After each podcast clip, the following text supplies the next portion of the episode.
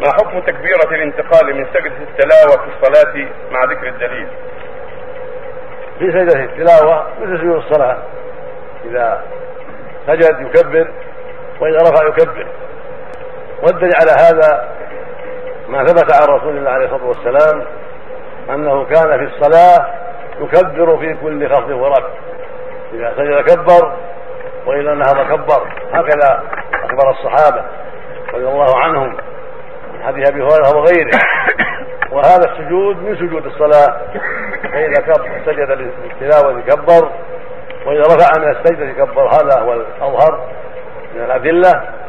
أما في خارج الصلاة إذا سجد للتلاوة في خارج الصلاة فلا يروى إلا التكبير في أول هذا المعروف كما رواه أبو داود والحاكم التكبير في أوله أول السجود فقط. أما عند الرفع في خارج الصلاة فلا يروى فيه تكبير ولا تسليم. وبعض أهل العلم قال يكبر النهوض ويسلم أيضا ولكن لم يرد في هذا شيء فلا يلزمه إلا التكبيرة الأولى عند عند السجود إذا كان خارج الصلاة.